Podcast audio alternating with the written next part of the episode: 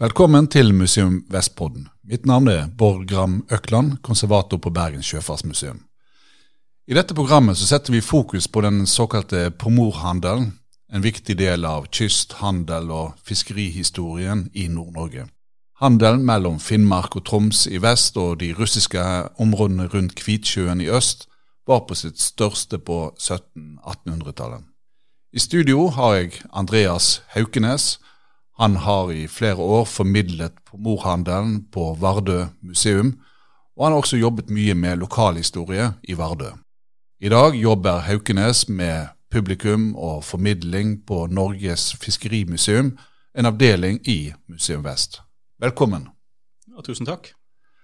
La oss begynne med selve ordet pomor. Hva, hva kommer det navnet av? Ja, det jo, består jo av to uh, russiske ord, på og morje, som uh, kan vel oversettes til ved havet, eller ja, hvis man kaller det en kystboer, så er vel det det nærmeste. Kan, kan, du gi oss et lite riss, historisk uh, kort riss av hva, hva, hva, er på en måte pomorhandelen, og, og når sluttet den, eller når begynte den, og når sluttet den?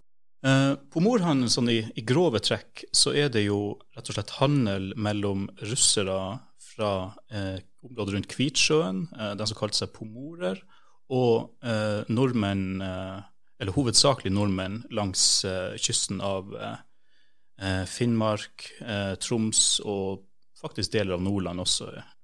Og det foregikk jo mellom ca. 1740-tallet Eh, og, eh, og, frem til russisk revolusjon. Eh, eller i der omkring, kan man si. Hvilke handelsvarer var det som inngikk i, i pomorhandel? Vel, i grove trekk så vil jeg si at det var, fra, det var fisk fra norsk side og rugmel fra russisk side. Men også tømmer i, i senere år. Men, men skulle til å si også i området rundt Kvitsjøen, er ikke det fisk der? Og så kunne ikke de ha Fiska fisken sjøl, eller?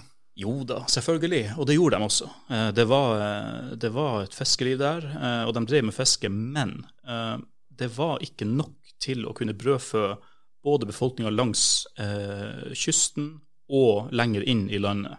Så da var det gunstig for dem å kunne ta med seg de tingene de hadde mye av, som da er rugmel hovedsakelig, mm. og handle, bytte til seg det de trengte fra nordmennene, som da drev og fiska, eh, selvfølgelig nærmest året rundt.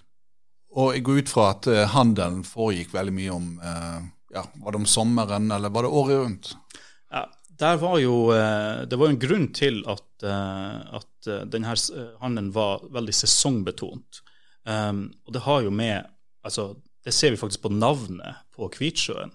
Kvitsjøen har det navnet fordi at den var den var hvit eh, om, eh, om, vinteren. Det, lå, det var eh, Han frøs til is? Han frøs til is, rett og slett. Ja, ja. Du har, Golfstrømmen når ikke helt inn dit. Her er, folk må se for seg sørsida av Kolahalvøya.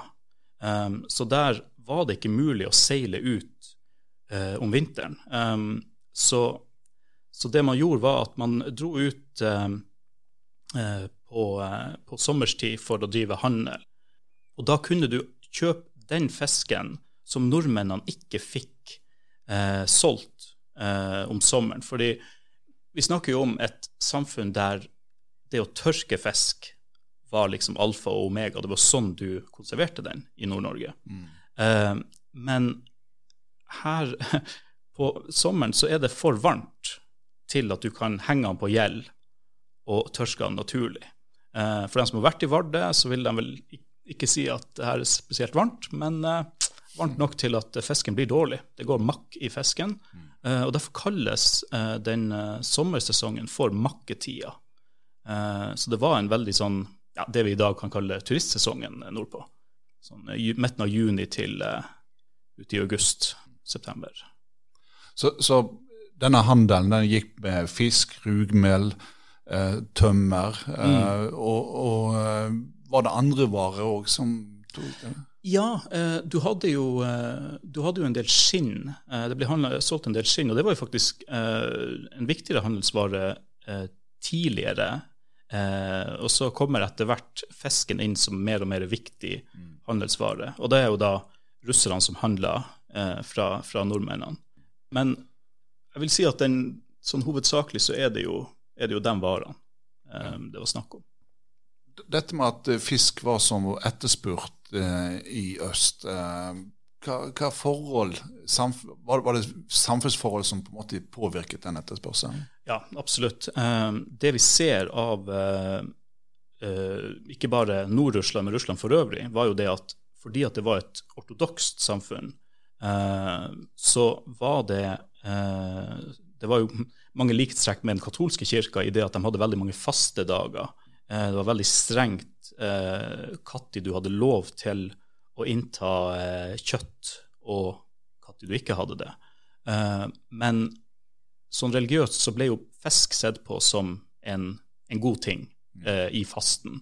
Så for å få i deg de, de rette næringsstoffene, så åt folk eh, fisk eh, alle, alle fastedagene. Det var, og det var ganske mange, så ja. såpass mange at jeg ikke har Nei, Men det, det er som en parallell til den katolske kirken her? på en måte? Ja, det vil jeg absolutt si. Eh, og Vi ser jo det i eh, liksom den handelen som foregikk eh, med hanseatene. Sant? Der var det jo Mye av den fiskehandelen var jo rett og slett fordi at det var et eh, Fisken var ettertrakta, mm. rett og slett. Um, og, og, i Russland så hadde du jo eh, eh På midten av 1600-tallet så fikk du jo faktisk en, eh, et brudd mellom den eh, ortodokse kirka og dem som ville, fast, ville holde på eh, de litt eldre eh, ritualene. For det var, en, det, var en, del reformer på midten av 1600-tallet, og da var det jo flere som, som nekta å gå med på det. Og mange av dem som ville holde på den gamle ortodokse troen, de var jo bosatt rundt eh, denne eh, Kvitsjøen. Eh, De ble jo da de gammeltroende. Eh, veldig strenge, strenge, eh, strenge religiøsitet. Så, så, så, på en måte de som eh, ønsket fasten, på en måte, kan du si, da, de, de holdt lengre også til på en måte rundt Kvitsjøen? Ja, altså dem, dem, dem, dem som ønska å, å, holde på den gamle troen, de holdt til gjerne i litt mer avsidesliggende områder. Sant? Så det at du ligger på en måte allerede i ganske avsidesliggende til sant? rundt Kvitsjøen, så gjør det jo at du kan på en måte observere dine ritualer mer uhindra fra eh, myndighetene sin side. Um, så, og både for de gammeltroende og for de eh, normalt ortodokse, hvis man kan si det sånn, mm. så var den her, eh, det å spise ja, det å avstå fra kjøtt, det var en viktig del av eh, fasten. Ja, men Spennende. Og, og denne tiden her, også, la oss si 1700-tallet, da. Altså, det, det, det, var jo òg en tid for monopolhandel eh, i Danmark-Norge. Um, hva, hva, hadde, hva vil du si, hva hadde denne monopolhandelen å si for pomorhandelen? Jo, du kan jo si det sånn at uh, da må man gå litt tilbake i tid, fordi at pomorhandel, som vi kjenner den, oppstod jo eh, eh på 1740-tallet. Men det har jo vært russisk aktivitet eh, i eh, Nord-Norge tidligere. Kristian eh, Kvart, da han var der i 1599, var det vel, så observerte jo han, eller hans følge, russiske tekster i kirka i Vardø. Så det er åpenbart at det har vært russisk aktivitet der. Og også på 1600-tallet så finner man uh, fogden som klager over at det har vært, uh, vært handel liksom i, i, uh, i Vardø med russere. Men det er først på 1700-tallet at vi ser at den faktisk har en effekt. Um, fordi i 1681 var det vel at den, man fikk et, et monopol på handelen i Finnmark fra, eh, og da var det jo Bergens kjøpmenn som fikk monopol på den handelen. Og den varte jo frem til 1715 eh, eller der omkring. Så hadde du noen år imellom der, men 1729 så ble et nytt monopol lagt inn.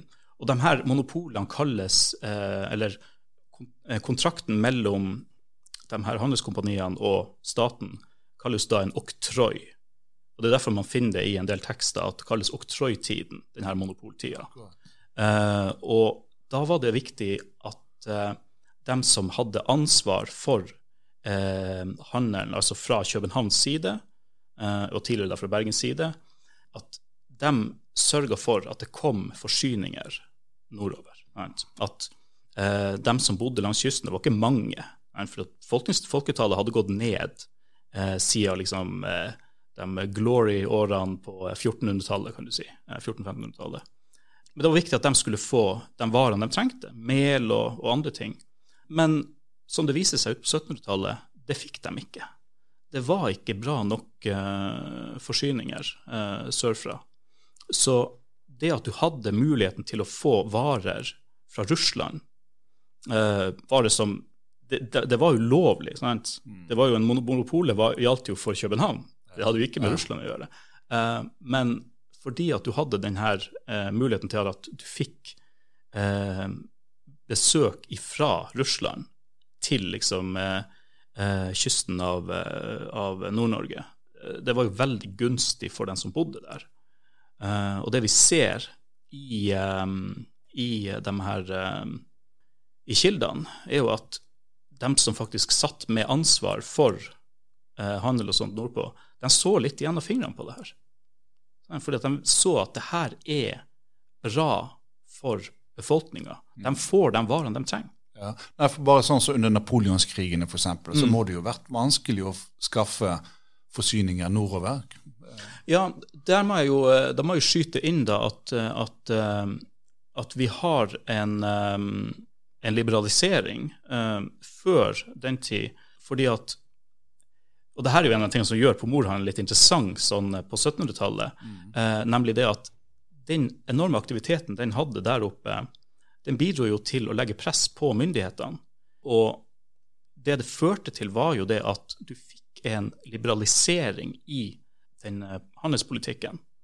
Eh, der du gikk bort ifra den her eh, veldig sånn monopolfikserte måten å se på ting, og over til en mer liberal retning. Og den liberale retninga resulterte i at eh, du fikk to byer i Nord-Norge, eh, Hammerfest og Vardø, som ble på en måte prøvekluter for frihandel. De fikk eh, status som kjøpstad, altså bystatus, og kunne da handle eh, lovlig med utlandet, også russerne. Og det her skjedde i 1789. Så, og det her er jo samme året som fransk revolusjon.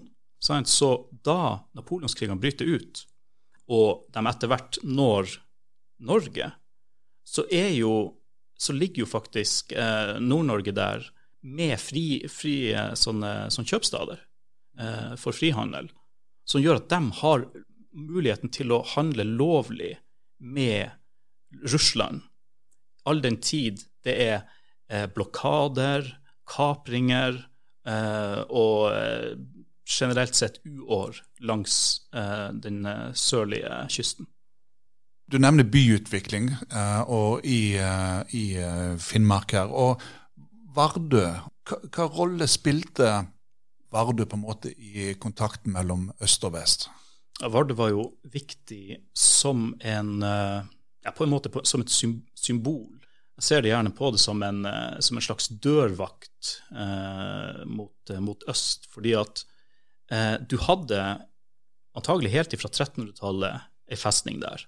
Og du har hatt flere festninger der. Eh, det var festning der da Kristian Kvart var innom, eh, og, og i på slutten av 1730-tallet så fikk man jo bygd den festninga som ligger der i dag. Um, det her har jo vært små festninger som ikke har hatt uh, uhorvelig mange soldater og sånn, men rent symbolsk så har de vist at her går grensa. Her er norsk herredømme. det er på en måte det siste ut, militære utposten, på en måte, Absolutt. hvis du går tilbake til 1300-tallet? Ja. Uh, den siste utposten. Uh, du fikk jo uh, Den første kirka ble jo, uh, innviet av biskop Jørund, erkebiskop Jørund i 1307. og Det er jo første gangen Vardø blir nevnt i en kilde. Men sannsynligvis så har det vært eh, Pga. at det kom en kirke der, så, det antagelig, så var det antagelig bosetning der allerede og mest sannsynlig ei kirke. Nei, mest sannsynlig ei festning. Så gjennom hele eh, alle hundreårene frem mot eh, den tida vi snakker om nå, nemlig 1700-1800-tallet, så har Vardø vært eh, et veldig viktig sånn, eh, sånn, sted for ja, norsk og senere dansk-norsk eh, her, hva man skal si, herredømme. Mm. Suverenitet. Der har du det. Ja, der har du det. Ja. Men hvis vi ser på uh, utover på 1800-tallet, så blomstrer jo på en måte pomorhandelen. Hva er på en måte faktorene som påvirker her? Jo, der kommer jo, eh, og der ser vi jo faktisk på, hvis vi ser på folketallet i eh, Ja, kan velge Vardø fordi det var den, den viktigste byen i, mm. i, eh, i pomorhandelen.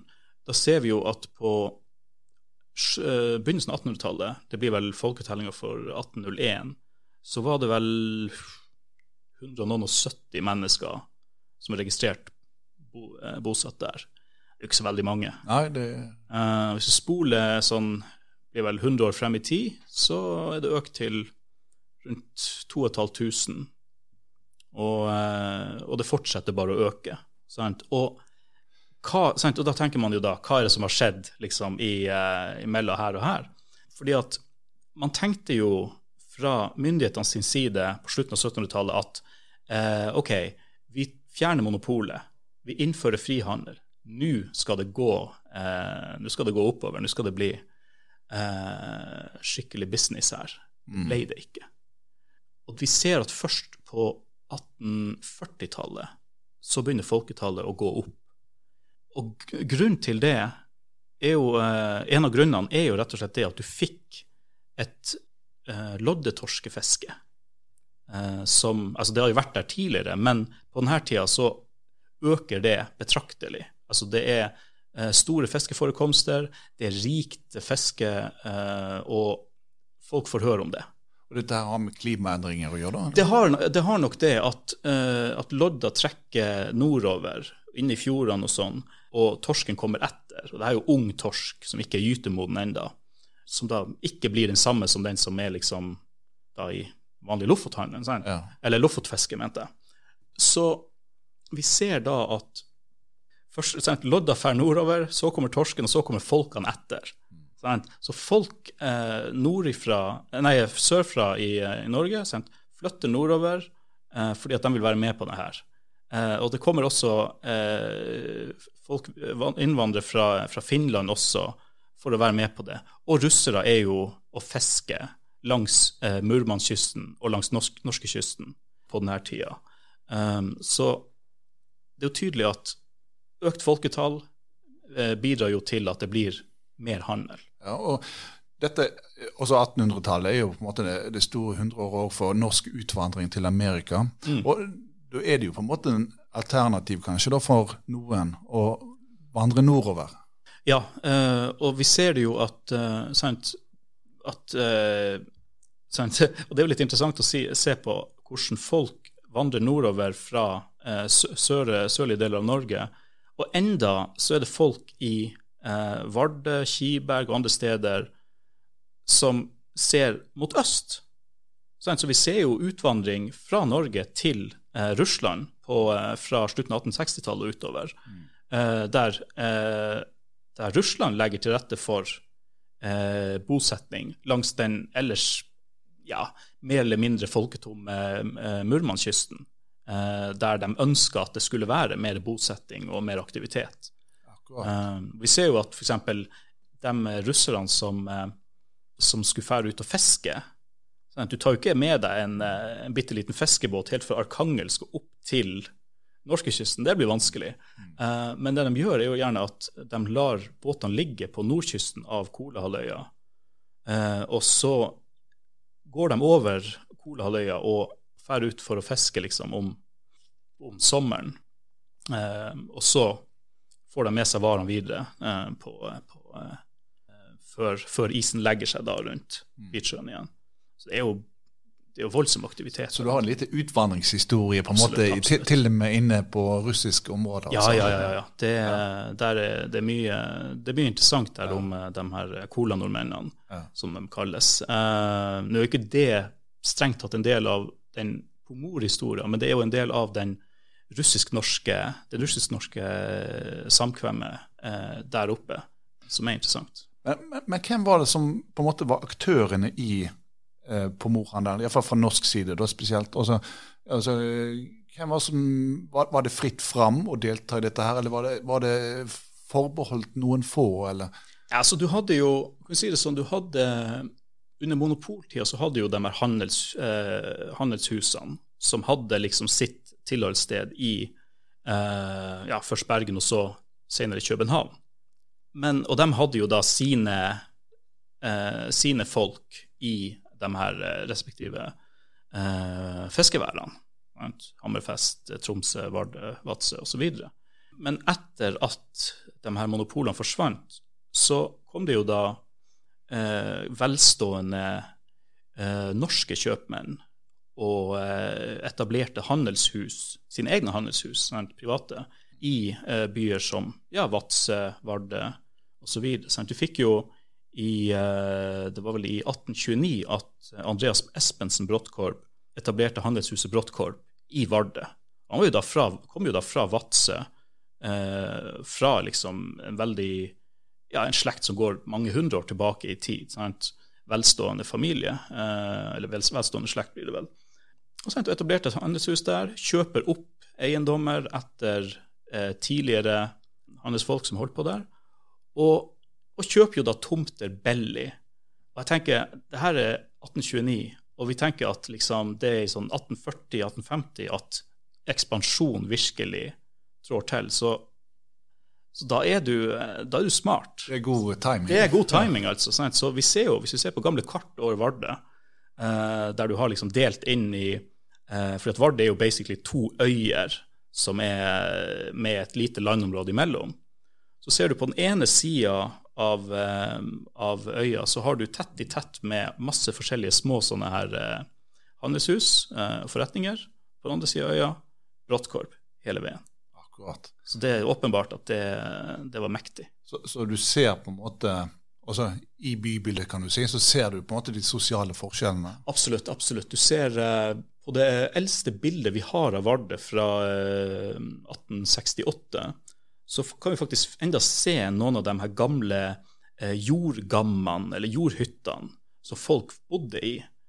fordi at før du fikk liksom den her befolkningseksplosjon, så var det for det meste det folk bodde i. De bodde i sånne torvhytter, eh, eh, mens de mer bedrestilte hadde jo eh, tømmerhus og sånn.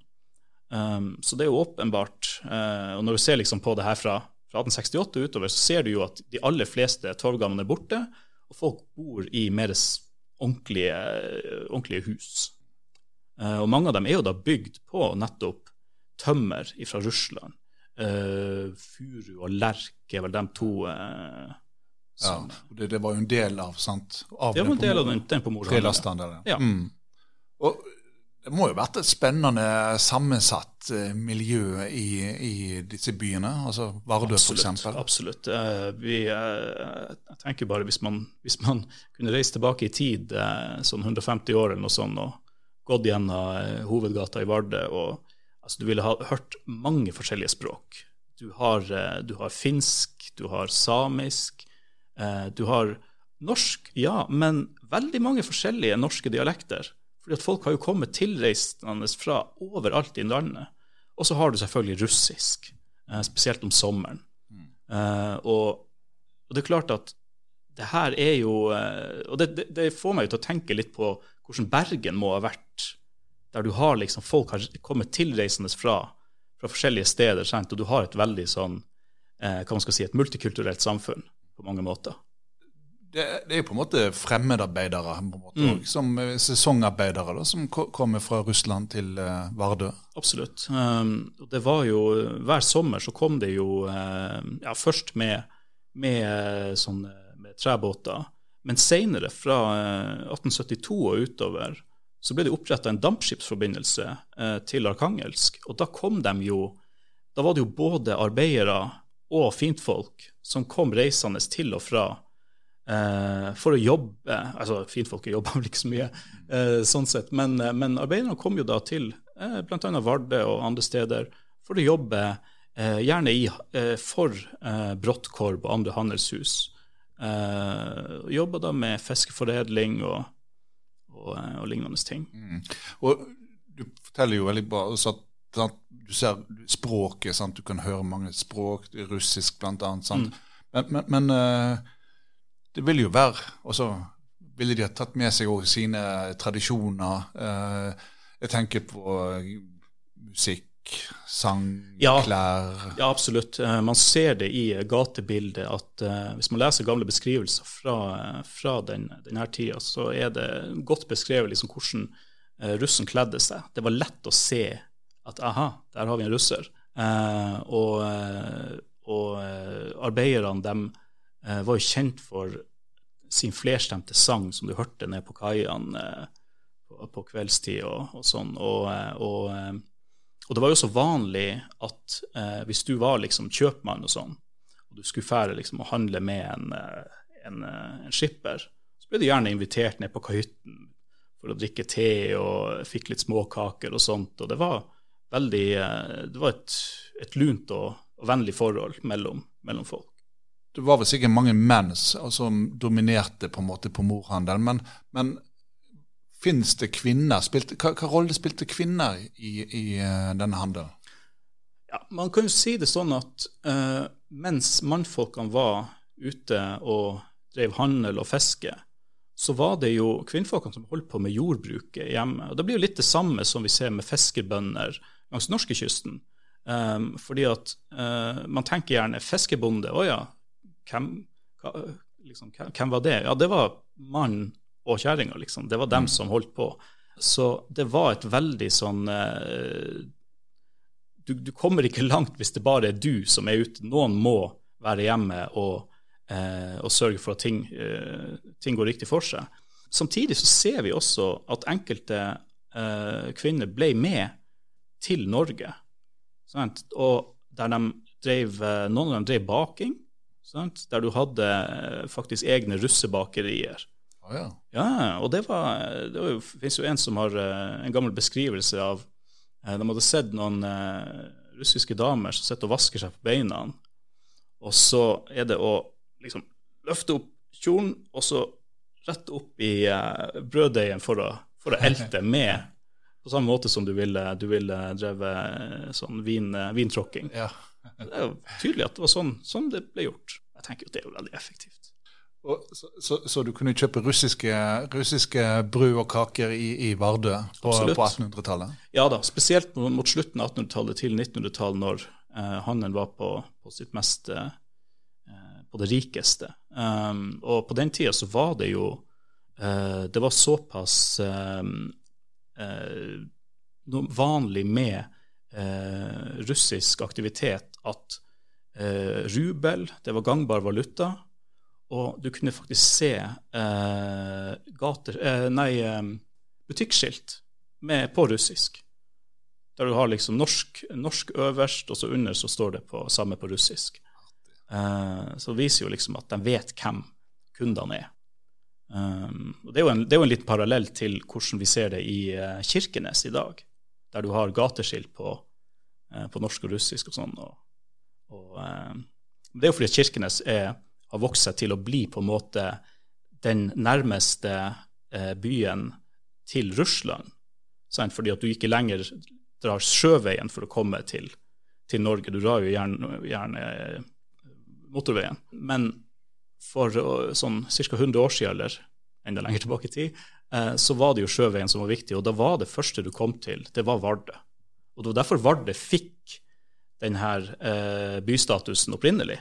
Sånn, For mange tenkte jo liksom, ja, Vadsø, da? Vadsø hadde jo flere folk. Ja, Vardø hadde festninger. Vardø hadde den eh, posisjonen, sant? historisk og geografisk. Og de to tingene gjorde at Vardø eh, til syvende og sist ble regna som pomorhovedstaden i Norge. Og det er det den gjerne kalles i dag også, for at den hadde den eh, uten tvil den viktigste posisjonen. Og hvordan kommuniserte man da med russerne? Altså, eh, var, det, var det vanskelig å gjøre seg forstått, eller, eller hva, knep skulle jeg si, brukte man? Ja, de hadde jo et ganske lurt knep. De eh, fant ut at hm, hva hvis vi eh, hva skal ta lage til ei, ei salig blanding? Eh, og det var det det ble til, eh, det her eh, såkalte russenorsk, eller moja på tvoja, som det gjerne kalles. Eh, som da blir et slags eh, pidgin-språk, som er god blanding mellom russisk, norsk, litt lånord fra svensk, eh, nederlandsk, eh, engelsk. Eh, ja, handelsspråk, rett og slett, som, som var vanlig. Eh, så man pleier jo å si at russeren trodde han snakka norsk, og nordmannen trodde han snakka russisk. Mm. Dette det, det handelsspråket, det var et, først og fremst et muntlig språk, kanskje? Det var vel egentlig i all hovedsak et muntlig språk. man, de eneste ja, man har jo bevart en del skriftlige eksempler, men de er kun fra intervjuer og sånt. Så det man har sett skriftlig, er jo rett og slett folk som har prøvd å lære seg russisk, eller fra russisk side prøvd å lære seg norsk. Men Moja på Tvoja, eller russenorsk, det var da et muntlig handelsspråk. Så det var sånn du liksom eh, diskuterte pris med den russiske skipperen, eller eh, osv. Så, så hvis du skulle kunne overleve som eh, handelsmann på denne tida, så måtte du kunne russenorsk. Når det gjelder eh, forbindelsene, sant, så, så uh, nevnte du òg at uh, det var uh, dampskipforbindelse mellom uh, Russland og Vardø. Mm. Um, vet vi noe på en måte om hva type båter som var i bruk i Pomorhandelen? Ja, altså, de dampskipene du nevner, det er jo Lomonosov og Imperator Nikolai. det er jo ganske ja, det blir jo litt sånn som de, de gamle hurtigrutene, egentlig. Eh, men de båtene som i hovedsakelig ble brukt, var jo mer eh, Fra norsk side så var det jo nordlandsbåter, klassiske nordlandsbåter. sant? Uh, du kunne ikke dra langt ut med dem, men det var de båtene du kjente. da hadde du gjerne du hadde gjerne seksæringer, åtteringer, fembøringer osv. som du dro ut med. Mens russerne hadde båter som Mange av dem var inspirert av de norske, eh, men de var bygd på en litt annen måte. Du hadde gjerne mye mer bruk av never og sånt enn, og tau enn en, eh, en, nagler. Mm. Um, Så du kan si på en måte at, uh, at pomorene lå påvirket på en måte byggeskikken, eller båtbyggingen, iallfall på russisk side? Eller? Ja, uh, russerne var, var påvirka av, av uh, den, eh, det, de, de, det, de, kom over i, i Norge. Uh, mens fra norsk, fra norsk, side så fikk du faktisk en, uh, en annen påvirkning, nemlig bygger, byggeteknisk, av det du Av hus. Sant? Fordi at vi ser jo at det var russisk inspirasjon i de, byene, nei, de husene som ble bygd i uh, bl.a. Vardø, eh, Hammerfest, Vadsø osv. Med mm. kupler og, og, litt sånn der. Sant? Så det er tydelig at eh, Og enkelte, enkelte kjøpmenn eh, oppkalte til og med ungene sine etter eh, russiske skippere som de hadde handla lenge med. Eh, som et tegn på liksom, respekt og, og, sånn. Så det var tydelig at det var eh, Det var ikke bare i det, det materielle at du så ja, så den her inspirasjonen. Ja, fascinerende. Og i dag hvis man eh, ønsker på en måte å se nærmere på, på måte, kildene til pomorhandelen, altså først, førstehåndskildene, regnskapsbøker, dokumenter eh, ja. Men, men hvor, hvor, går man hen da? Altså, Du kan fære på Mye av det her er heldigvis digitalis digitalisert. Um, man har uh, bl.a. gamle kassabøkene etter uh, Brottkorp. Uh, har man hatt lang, en langvarig digitaliseringsprosjekt uh, for å få eh, ferdigstilt. Eh, så hvis man er jo innom Det blir vel Arkivverket og ja, antagelig en del på Nasjonalbiblioteket også, så vil man finne en god del gode, gode, gode opplysninger. Og, og, Hvem er det som på en måte formidler denne historien i dag, altså historien om pomorhandelen? Er det museer, eller? Ja, eh, kan si at eh, der jeg jobba i, i Vardø, så ble det jo åpna et pomormuseum Eh, med, som hadde, hadde lang, eh, et langt samarbeid med det her eh, museet i Arkangelsk, Mali Kareli, der du har hatt ja, en, på en måte en blanding mellom den norske siden og den russiske, russiske siden. Sant? Så du får liksom en veldig fin representasjon for det som, det som en gang var, og sånn som ting er i dag. Um, og så får du jo tilsvarende museer på russisk side. Og samarbeidet har kanskje gått bedre etter Sovjetunionens fall? Ja, absolutt. absolutt. Uh, det man ser, er jo det at uh, Det har, har, vi jo sett også i, i, uh, også i uh, både alt fra krigshistoriske arkiv til, til, mye forskjellig. Men når ting åpnes opp, så får du jo tilgang på uh, ikke bare litteratur, men det, det, er også lettere for forskere å samarbeide, samarbeide over grensene. Um, og um, i, i, Vardø så ble det jo fra Etter at eh, Sovjet falt, sant, så fikk du jo en årlig festival der, eh, på Morfestivalen, der du faktisk liksom opprettholder det her viktige kultur, eh, kulturelle eh, samarbeidet. Ja, også, hva, hva, forhold har eh, folk i Vardø i dag til, til pomorhandelen på 1700-1800-tallet? Nei, altså, jeg vil si at uh, vardøværinger Uh, og jeg vil tippe folk i, uh, i andre deler av, uh, av Nord-Norge, eller norskekysten, har et, et veldig positivt forhold til det, sånn, sånn, rent historisk. Fordi at det var ikke snakk om det var, det var, utelukkende positivt, vil jeg si, eh, av det jeg har lest. Eh, Men er det en del av identiteten i dag? på en måte? Spiller det noen rolle for folk i dag? Ja, det vil jeg si. Um, du, har annet, du, har nok et annet syn på Russland eh, nordpå enn du har i resten av Norge. Fordi at du har hatt det her veldig positive samkvemmet. Du har jo, for å si det sånn, eh, liksom når du har hatt en handel som har, som har gjort livene lettere for folk i flere hundre år, Sant? Og så får du jo da en, en stopp i det eh, rundt, eh, rundt, i tida rundt eh, revolusjonen og, og eh, borgerkrigen som etterfulgte. Men så har du en frigjøring som vi kan takke russerne for. Det er klart at eh, du vil da ha et mer positivt eh, syn på, på, naboen vår enn man antagelig ville hatt lenger sør i Norge.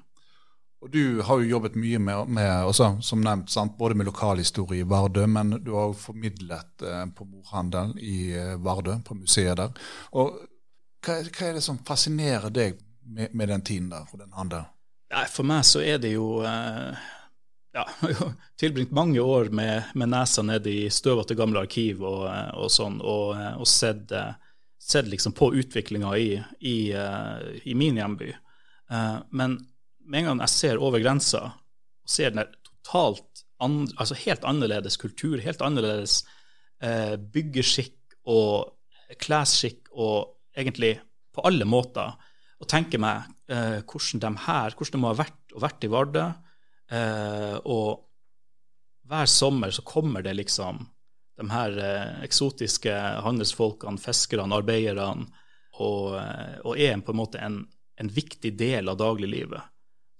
Det, ja, det, er ganske utrolig å, å, se tilbake på at det, faktisk, at det faktisk, var sånn. Og det, det er vel den, den, biten som gjør meg, enda den dag i dag, veldig fascinert av eh, ja, sånn som det har vært.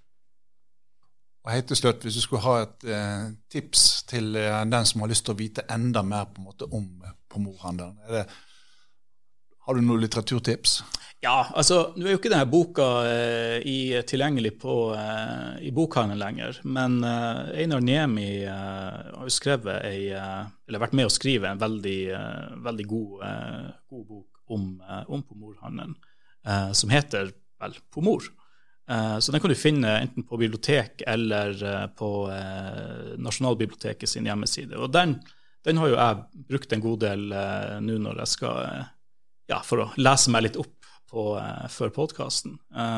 For det er jo det er en spennende historie, rett og slett, og, og, og jeg syns det formidles bra i den. Takk til deg, Andreas eh, Haukenes, for at du ville komme i studio og fortelle om på morhandelen. Takk også til deg som lytter på. Følg gjerne Museum Vestpodden på bl.a. Spotify. Du finner også flere av våre podkaster på Museumspodden. På gjensyn. Podkasten er egentlig ferdig, men her skal du få en lite hva skal vi si, bonusmateriale eh, for deg som har lyst til å høre enda litt mer om eh, på morhandelen. Når det gjelder russisk fiskeri utenfor eh, Finnmarkskysten under pomorhandelen, så har vi noe som heter Kiberg-rettighetene. Ja, uh, det var rett og slett det at man så at, at det var mye russisk aktivitet utenfor norskekysten. og det her er jo på, på sånn første halvdel av 1800-tallet. Um, og man ser at det er, det er behov for å få det under litt gode, faste former. Så i 1830 så får man jo da det som kalles for Kibergsrettighetene, som er rett og slett det er oppkalt etter den lille plassen Kiberg, som, er, eh, som ligger et, eh, ja, en liten biltur unna Vardø. I Kiberg så var, det jo, eh, så var det jo vanlig at man kunne levere fisk, eh, og også eh, eh, ha, bygge rorbuer.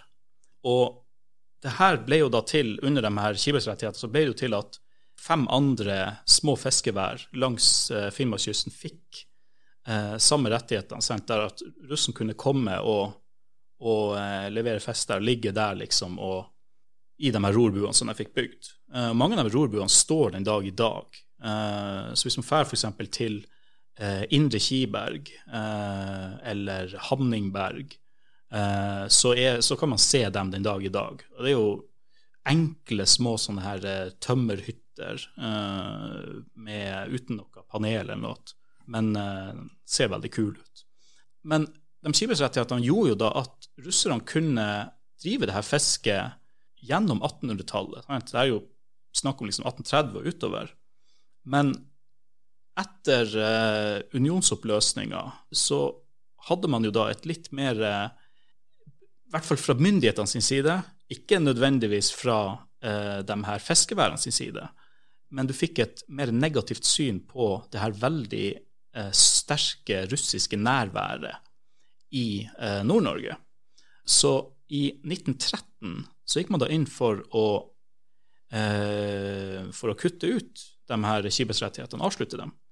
så da var det rett og slett ulovlig for russerne å komme og, og ja, og søke, søke ly liksom i, på, i de her fiskeværene, i de her rorbuene og sånn. Og det er jo klart at det problematiserer Eller det gjør det verre for eh, russerne å drive, eh, å drive med, med, det fisket. Um, og på denne tida så var det jo mange som tenkte åh, det her, det her høres ikke bra ut for pomorhandelen, som, var den, som, som enda da var, eh, var, en viktig del av, eh, av eh, handelen nordpå. Men vi vet jo ikke hvordan det ville slått ut sånn fordi at eh, året etter så brøt det ut en krig. Og noen år etter det så brøt det ut en revolusjon. Ja. Så kan si det sånn at fra norske myndigheter sin side så var det forsøk på å begrense russisk nærvær i nord. Men det, det virker jo nesten som at de ikke hadde trengt å gjort det, fordi at krigen og senere revolusjon sørger jo for at det her fikk en, en naturlig død, kan man vel si.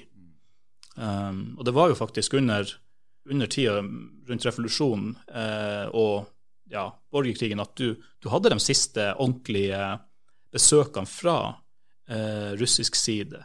Uh, så siden den gang så var det vel en og annen båt. Jeg tror 1929 var vel siste gangen du hadde besøk fra Russland i, i Vardø. Så, så, det var ikke helt, brå, det var ikke helt bråstopp? Det var ikke det. Eh, du vil se det i en del kilder at i 1917 var det slutt. Det, det, blir, det er litt for enkelt. Vi, vi, har kilder på at, at det, var, eh, det var, foregikk på morhandel i, eh, i 1918 også. Men det, var, det, ble rett og slett for vanskelig med sånn som forholdene var. Så, så den, den led på en måte en en, en naturlig død, egentlig, den på morhandelen, sånn sett.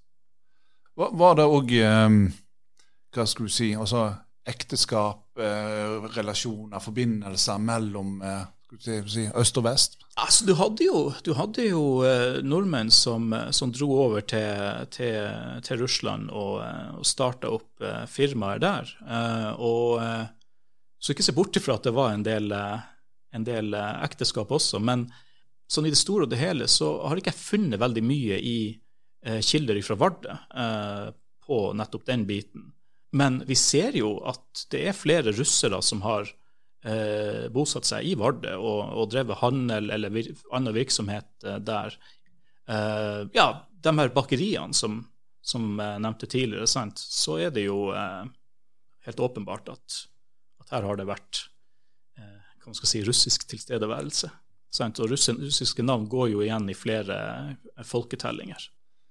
Helt til slutt, er er det noe du føler du har lyst til å få sagt om uh, pomorhandelen? Nå har du sagt ganske mye. Uh, nei da, altså det er Kan du si det sånn at det er Jeg vil si til den som lytter på, at det er, her er et Det er en hel masse spennende å sette seg inn i for den som er interessert i norsk kysthistorie, norsk handelshistorie, norsk fiskerihistorie. Og det er jo noe som du ikke, kanskje ikke vet så mye om hvis man ikke er liksom nordfra. Men, eh, men det å tenke på liksom at det har vært et så eh, nært forhold, sånn handels og, eh, handelsforhold mellom Norge og Russland i flere, flere hundre år, og at den faktisk var med på å skape den frihandelen du fikk i Nord-Norge, det er ganske, ganske fascinerende. Så det er verdt å, verdt å sjekke ut mer. Takk igjen til deg, Andreas eh, Haukenes.